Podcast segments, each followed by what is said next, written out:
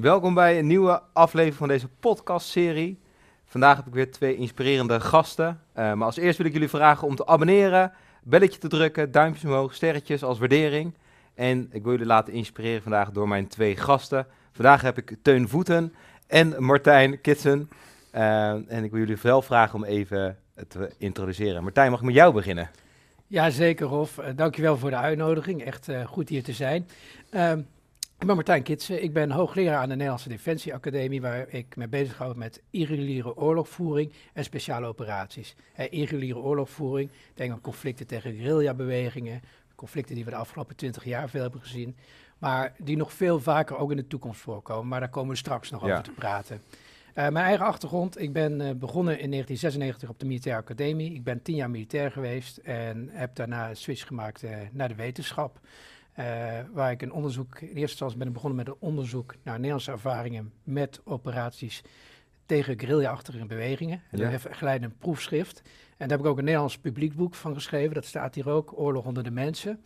En uh, ja, op dit moment eigenlijk uh, me doorontwikkeld, ook als hoogleraar. Uh, vorig of twee jaar geleden dit boek, The Conduct of War, the 21st Century, samen met mijn collega Tim Swijs en Rob Johnson van Oxford hebben we dit gebracht. En volgend jaar kom ik met een nieuw boek over okay. speciale operaties, eigenlijk na de Global War on Terror. Dus hoe zien speciale operaties er in de wereld van vandaag uit?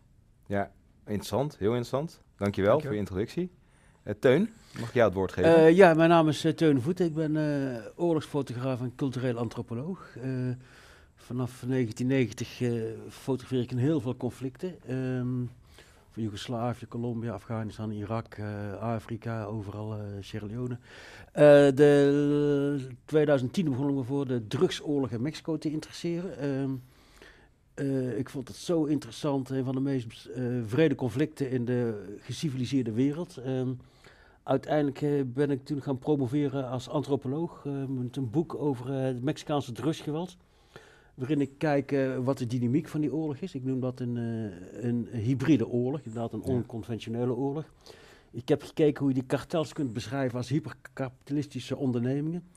En ik heb ook gekeken hoe je mensen zover kunt krijgen dat ze andere mensen kunt doden, maar niet alleen kunt doden, maar ook plezier aan ontlenen en de meeste verschrikkelijke beestachtige vreedheden kunnen uithalen, waarin ik inderdaad Mexicaanse huurmoordenaars, uh, ISIS-terroristen en uh, Afrikaanse kindsoldaten heb vergeleken. En de laatste tijd werk ik veel rondom het thema drugs georganiseerde misdaad.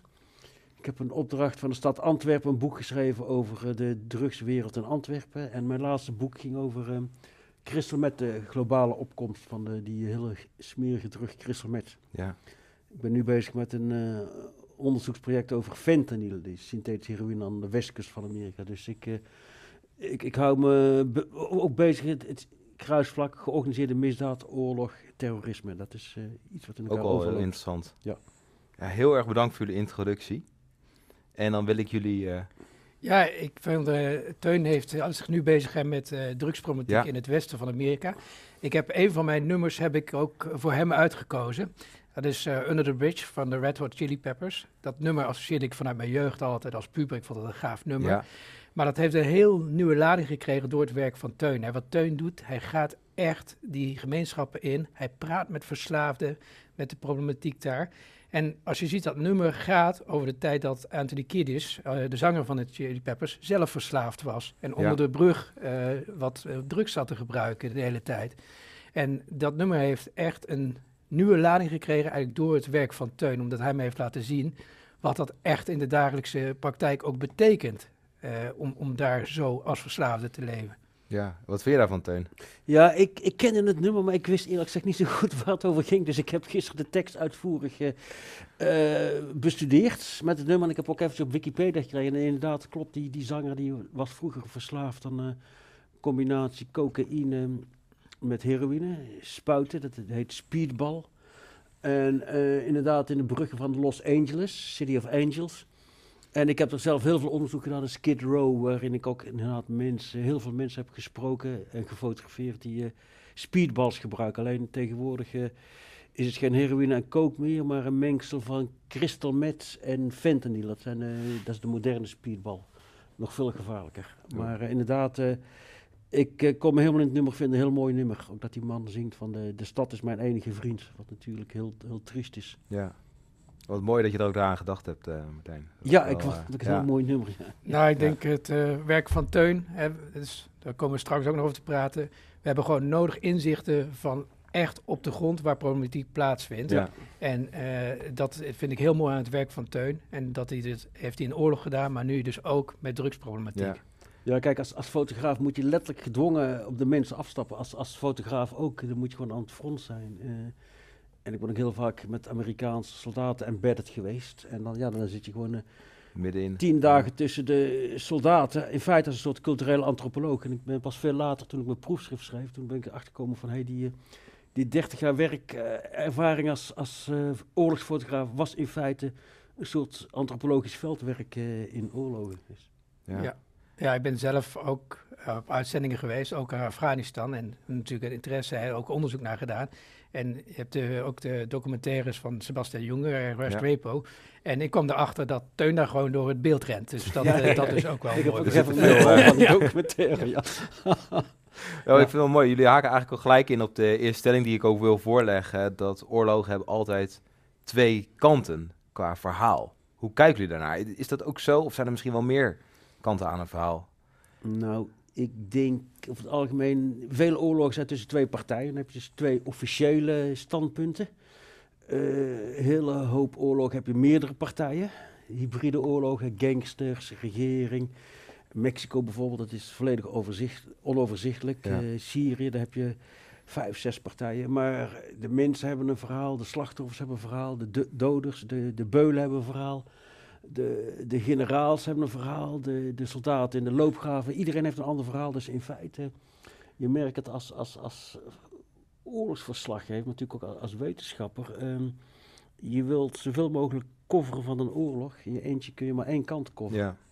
Ja, nee, ik ben het er helemaal mee eens. Ik denk dat we echt, zeker in de huidige periode, hè, waarin we ook zo sterk geglobaliseerd zijn, de opkomst van internet, social Ja. media, eh, een oorlog heeft heel veel verhalen. En tegenwoordig, we, we zien heel veel van die verhalen voorbij komen. Ja. Maar wat we tot ons nemen, of waar we in geïnteresseerd zijn, dat is vaak maar één verhaal.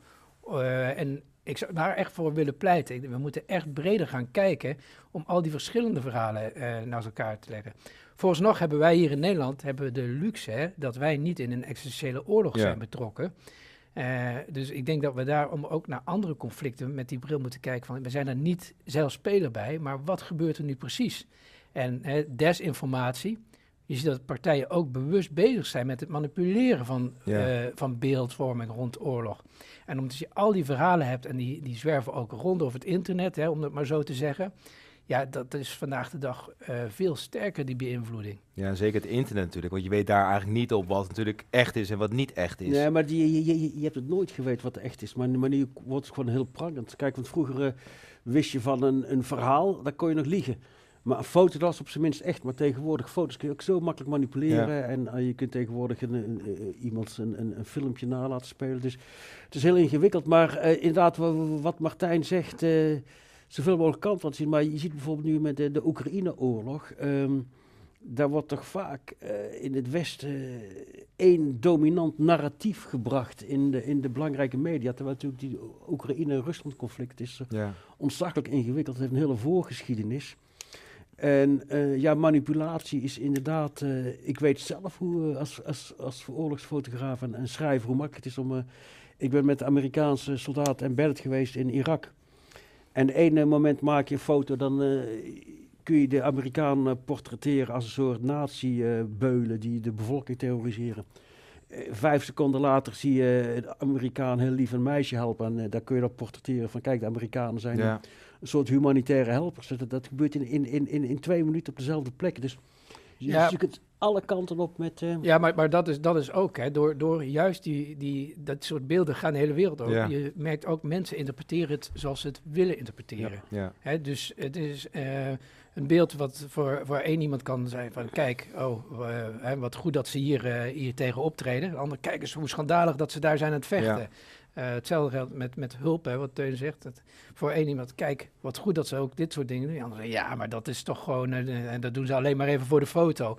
En Ja. je, je ziet daar nu ook bijvoorbeeld in het conflict Israël-Hamas, zien we dat, dat er heel veel polarisatie optreedt. En mensen eigenlijk, eh, ja, wat, wat mij verbaast is dat je, eh, kijk, ik denk, ja, wij, Teun en ik kennen elkaar langer vandaag. We zijn het er allebei over eens. Oorlogen zijn complex. Ja, Hè, eh, als je in een oorlog terechtkomt, en dat probeer ik ook altijd mijn studenten mee te geven, eh, er is niet één waarheid. Het is eh, beide partijen die hebben hun eigen blik en die proberen jou te overtuigen van hun gelijk. En jij bent er vaak, hè, wij zijn vaak toch een buitenstaander. ja. En dan moet je kijken van, ja, hoe kan ik hier mijn doelen bereiken? Wat kan ik, wat kan ik hier doen? Maar dan moet je dus wel rekening houden met die verschillende perspectieven. En eh, het is gewoon complex. En dat moet je uitgangspunt zijn. En niet al bij voorbaat van, oké, ik zie dat, dat is waar. Nee, Ja. ik, ik vraag me altijd af, hè, bijvoorbeeld precies wat, wat Teun zegt tegenwoordig. Je kunt zoveel manipuleren. Als ik beelden zie, vraag ik me altijd als eerste af, klopt dit? Is dit echt? En waar ik dus van schrik, is dat als ik zie op eh, X, hè, voormalig Twitter, is hoeveel mensen meteen al een beeld zien en daar iets van vinden en aannemen dat dat beeld gewoon klopt. ja. Ja, en dat kun je niet meer doen vanzelf. Nee, en ik merk ook wel dat je, als je het hebt over X bijvoorbeeld, dat, en social media in het algemeen, wat je wel ziet is dat, dat een plaatje op bepaalde manier geschoten is, met een voetnoot erbij wat de situatie is, maar dat die voetnoot eigenlijk niet meer gelezen wordt. Dus de bedoeling van de fotograaf of van de journalist niet meer eh, begrepen wordt en niet meer meegenomen wordt in het beeld wat, wat, wat Ja. mensen zien. Hoe probeer je dat dan als fotograaf, zeg maar, ook dan toch... Ja, je, je, probeert zoveel mogelijk eh, kant van het verhaal te laten zien. Je probeert je... Kijk, eh, je hebt echte objectiviteit bestaat niet. Ehm, maar elke oorlog heeft verschillende lagen van, van eh, objectiviteit. Bijvoorbeeld in in het conflict Israël-Hamas. ehm, daar zitten zoveel lagen interpretaties. Maar de, de, de bottom line is bijvoorbeeld... hoeveel granaten vuurt Israël af? En, en dat, dat is een exacte hoeveelheid, eh, kwantiteit in, in Ja. data. Die worden in militaire logboeken bijgehouden. Dus eh, de- de- dat, dat is alvast iets wat je onafhankelijk eh, als waarheid kunt vaststellen. Maar dan, een, een, ik was ook een paar keer in Gaza en dan was ik in een huis van Palestijn en er was door een tankgranaat getroffen. En die tankgranaat was de ene kant ingevlogen, de andere kant uit, niet ontploft. En volgens die, eh, de Palestijnen was een huis zwaar beschadigd. En ja, volgens Israëlische leger was dat lichte schade. Als je, als je een vinger kwijtraakt, ben je zwaar gewond of ben je licht gewond. Dus dan, dan komen al interpretaties. En, en dan ehm, eh, is Hamas een terreurgroep. Eh, ja, vind ik. Andere mensen noemen het een legitieme verzetsorganisatie. Ja. En is de Israëlische aanval, is dat een ehm, genocide of is dat ehm, zelfverdediging, die- weliswaar eh, nogal een eh, hele zware vorm van zelfverdediging is. Daar kom je al met, met, met, met, met, interpretaties te maken. En over het algemeen, iedereen heeft over het algemeen toch al heel snel zijn mening klaar. De meeste Ja. mensen die redeneren vanuit de onderbuik. Ja. En vanuit emoties en ook eh, de groep waartoe ze behoren. Ik denk dat peer pressure heel belangrijk is voor hoe mensen een mening vormen over een bepaald item. Maar ehm, ja, ik heb ooit de voormalige NAVO-baas Jamie Shee, was dat his naam? Er was eh, voorlichting, deed hij. Voorlichting, ja, die, die zei van... eh, oorlog wordt uitgevonden, eh, uitgevochten in de publieke arena. En, en wie het mooiste Ja. narratief heeft, de mooiste beelden, het mooiste verhaal heeft, die wint.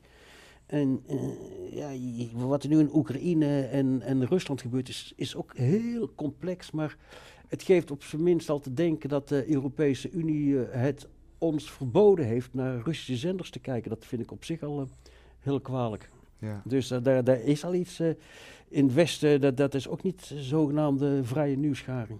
Nee. En er Ja. zijn allerlei pogingen om het internet eh, te censureren of eh, informatiestromen, dat bepaalde instanties dan gaan uitmaken wat fake nieuws is en desinformatie. Dan kom je natuurlijk op een heel, heel hellend vlak. Ja, want hoe kijk jij dan naar, eh, Martijn, ook naar je studenten? Kan- Hoe, hoe onderwijs je ze dan in hoe blijf je onafhankelijk en hoe ga je fact-checking doen en dat soort dingen dan? Ja, kijk, tegenwoordig hebben we natuurlijk eh fact-checking. En we hebben gelukkig eh, ook Bellingcat, en dat Ja. soort, soort OSINT-organisaties. Dat, eh, die zijn, ik moet zeggen, ik ben daar echt van onder de indruk van het werk wat ze, wat ze doen. Maar ook heel simpel, hè. neem, wat ik net ook al zeg, neem niet klakkeloos aan als je iets ziet dat het klopt. Ja. Ik zelf, als ik iets heb geleerd, hè, eerst als militair, maar later ook als wetenschapper, hè, ik doe ook veel veldonderzoek. In de oorlog niets is wat het lijkt. Ja. Eh, mensen proberen je een beeld voor te geven. Hebben bijvoorbeeld, ik heb wat studenten ook wel meegenomen naar Israël en de Palestijnse gebieden. En dan krijg je van twee kanten het verhaal te horen. En het mooie is van, ik, dat die studenten die eh, op voorhand wel duidelijk een voorkeur hadden voor of zij Palestijnen of voor Israël, dat ze toch genuanceerd terugkwamen. Van ja, Ja. dit is toch wel wat complexer allemaal. En we hebben bijvoorbeeld ook eh, voorheen in, in eh, Noord-Ierland gedaan, waarbij je van verschillende gemeenschappen. Ze hebben allemaal de oplossing voor het conflict. Ja. En eh, ze zeggen, we hebben met, voor iedereen is deze oplossing. Maar als je goed luistert, het is vooral de oplossing voor hun gemeenschap. Ja. Dus je moet altijd kritisch blijven. En we moeten niet uit het oog verliezen, hè, en dat is wat, wat we al een paar keer hebben gezegd. Oorlog is complex. En ik heb soms het idee dat we, eh, ja, dat, dat we zijn vergeten hoe complex dat is. En dat de realiteit van oorlog echt wel wat verder gaat dan, dan alleen die paar beelden die we zien. Ja. Ja, want een oorlog bestaat, ontstaat natuurlijk niet gisteren. Eh, als je kijkt naar de huidige oorlogen die er nu zijn, die zijn tientallen jaren al eigenlijk in het verleden al begonnen. Ehm, maar dan lijkt me nog wel steeds lastig dat jullie toch proberen er onafhankelijk naar te gaan kijken, ondanks dat je ook nog die geschiedenis mee gaat nemen. Dat, eh, ja, je, je, je, je hebt geen andere keuze om zoveel mogelijk eh, kanten te belichten. En, maar je ziet, in je eentje kun je maar zo weinig doen. En bijvoorbeeld de Irak-oorlog. ehm, eh, ja, ik ben daar in mijn eentje naartoe geweest. Maar de New York Times heeft, heeft eh 50 journalisten in dienst. En eh, een paar zitten op de bureaus in Washington. Een paar zitten onder de burgerbevolking van Irak. Een paar zijn met de Amerikaanse soldaten mee. Eh, dit dus, eh, het- wordt van allerlei kanten eh, belicht, van vier of vijf, zes verschillende kanten. Terwijl ja, ik al als oorlogsfotograaf, ik kijk letterlijk door een rietje naar dat, naar dat conflict. Ehm, en als ik een, ik schrijf bij, ik probeer meestal gewoon eerlijk. eh, kijk, objectief is heel moeilijk, maar je kunt wel eerlijk berichten. Eh, en dan laat ik graag aan de lezer over om een, om een eh, conclusie te trekken. En vaak is die conclusie van het is allemaal iets ingewikkelder dan je denkt. Maar Ja, Ja. maar het, het klopt wel wat je zegt. Hè. Ja. Eh, ik probeer eerlijk te berichten, want objectiviteit, daar streef je ook Ja. naar. Hè. Zeker, eh, Ja. we zijn allebei ook wetenschapper. Je probeert zo objectief mogelijk te zijn, maar ja, je, tegelijkertijd realiseer je dat je dat nooit helemaal perfect kunt zijn. nee, Maar probeer altijd zoveel mogelijk het hele verhaal te vertellen. Kijk, wat ik nog wilde zeggen ook, ik vind soms het beeld wat we in Nederland hebben gekregen van oorlogvoering. Wij, zi- wij zijn soms heel erg bezig met schone oorlog. Hè. En een oorlog, dat, dat kan je op afstand voeren, je eh, voert Ja. bombardementen uit. Eh, zelf was ik bijvoorbeeld brugklasser tijdens de, de oorlog, eh, eh, golfoorlog van 90-91. Hè, dus eh, dat je krijgt de invasie van Kuwait door Irak. ja, Overigens heb je dan ook hè, een, een, een mevrouw uit Kuwait die eh, voor de VN een hele rapportage houdt over baby's kinderen- die uit ja. couveuses werden gehaald. Bleek allemaal niet waar te zijn achteraf. ja, Ja, uiteraard hebben we ook in 2003 bij de invasie van Irak hebben we ook dingen gezien die, die niet klopten. Maar Ja. beeldvorming is gewoon belangrijk. Maar die golfoorlog van 1991, nee, mij staat nog bij, we hadden een groot scherm in de schoolkantine. En dan zag je bijvoorbeeld dan eh, die beelden van eh, precisiebombardementen met eh Schwarzkopf, hè, de commandant van de geallieerden daar. Die zei, the luckiest man in Iraq. Eh, dan had je een, een beeld van iemand die met een auto over een brug reed. En net nadat hij die brug over was, sloeg een bom in. Ja, dat Ja. soort, soort beelden, dat zien we van oorlog. Maar in die oorlog toen, dat soort precisiebombardementen was maar een heel klein gedeelte van de totale bombardementen. Dus, dus eh, terwijl het beeld toen al ging bestaan van, nou je kunt eigenlijk op een redelijk klinische, schone manier oorlog voeren. Ja, maar, dat is het niet. verschrikkelijke dingen gebeurd. Eh, elke oorlog natuurlijk. Bijvoorbeeld he- hele Iraakse troepen zijn door Amerikaanse reuzen bulldozers levend begraven. En toen de- Nou, dat, weet ik niet. ja, ja, ja, en in die loopgraven en, eh, en dus ook die, die terugtrekking van Iraakse troep, troepen terug naar Bagdad, die hele highways gebombardeerd. En, Ja, die Highway of Death, ja, dat, dat ja, is ook en al- allemaal natuurlijk. Lijken. En, eh, eh, dat zag je niet. Maar om nog even terug te komen van eh, het is niet wat het lijkt. Bijvoorbeeld om twee voorbeelden te geven. Ehm, ja, in het begin die pijpleiding, de Nord Stream. In het begin iedereen, ja, de Russen. Nou, achteraf is het Oekraïne. Dus het is heel gek. En ook natuurlijk de Irak-oorlog, de, de Tweede Golfoorlog. Ehm, ja, dat is nu, iedereen weet nu dat dat gewoon een, een oorlog was onder valse voorwenselen. Eh, ik woonde toen in New York en als je toen tegen die oorlog was, dan was je in feite toch wel een soort eh, landverrader. Ja. Want Saddam Hussein, dat was een soort ISIS-terrorist.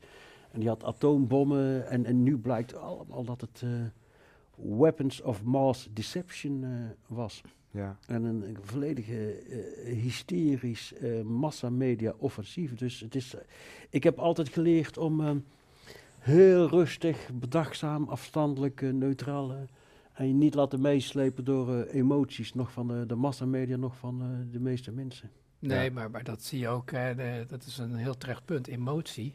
Hè, voor Clausewitz schrijft Ja. eh, ook al over, over Ja. passie en oorlog. Emotie is echt eh, een factor. En neem de 2001, hè, de, de aanval van 9-11 natuurlijk. Daarna eh, de invasie van Afghanistan. Ja, dat was eh, gewoon een no-brainer om dat, dat te doen. Ja. Alleen- als- zelfverdediging. A- Ja, a- ja. Als, als je kijkt, hè, wat toen, eh, wat daaruit voortgekomen is, uiteraard die oorlog in Afghanistan, die in 2021 op een manier is geëindigd, ja, die je echt geen succes kunt noemen. Eh, maar ook het feit dat die, die oorlog toen, er zijn vredesbesprekingen, hè, want die, die invasie liep heel succesvol, van, Ja. met, met relatief weinig, eh, met, met Amerikaanse special forces, lokale bondgenoten en Amerikaanse airpower, dus, eh, dus bombardementen. Dat is in vier weken tijd is heel eigenlijk de, de Taliban verdreven uit Afghanistan. Dat was een succes. Vervolgens vonden er vredesbesprekingen plaats. En vanuit Amerikaans oogpunt was het gewoon, nou ja, e- emotioneel, nee, de Taliban hebben Al-Qaeda geholpen, dus daar praten we niet mee. Dus de. Taliban zaten niet aan tafel, terwijl een oplossing voor Afghanistan, en dan praat je weer over al die verschillende verhalen, de Taliban hebben daar ook een verhaal in. Dus misschien Ja. niet het verhaal wat we direct willen horen, maar door ze niet aan tafel te hebben of uit te sluiten, sluit je in ieder geval weer een deel uit, wat, wat misschien mogelijk ook wel een onderdeel van de oplossing kan zijn. Ja. En we weten dat de Taliban is, is erger teruggekeerd dan ze waren eigenlijk. Ehm, je ziet over hetzelfde aan het einde van die oorlog in 2020. Trump eh, gaat praten met de Taliban, maar praat niet met de Afghaanse regering. Ja. Ze worden een akkoord gesloten met de Taliban. En weer is er één partij die geen deel is van de, van de oplossing. Dus ik denk ook, om terug te gaan naar de stelling, er zijn gewoon meerdere verhalen. En je moet Ja. echt proberen al die verhalen ook in je, je denken, maar met name ook in je beleid over oorlog en de uitvoering van wat je doet in een oorlog betrekken. Ja, dus dat is wel echt heel belangrijk om, om alle kanten van het verhaal te gaan vinden voordat je eigenlijk het gesprek aangaat of een oorlog eh, Ja. aangaat of dat soort dingen.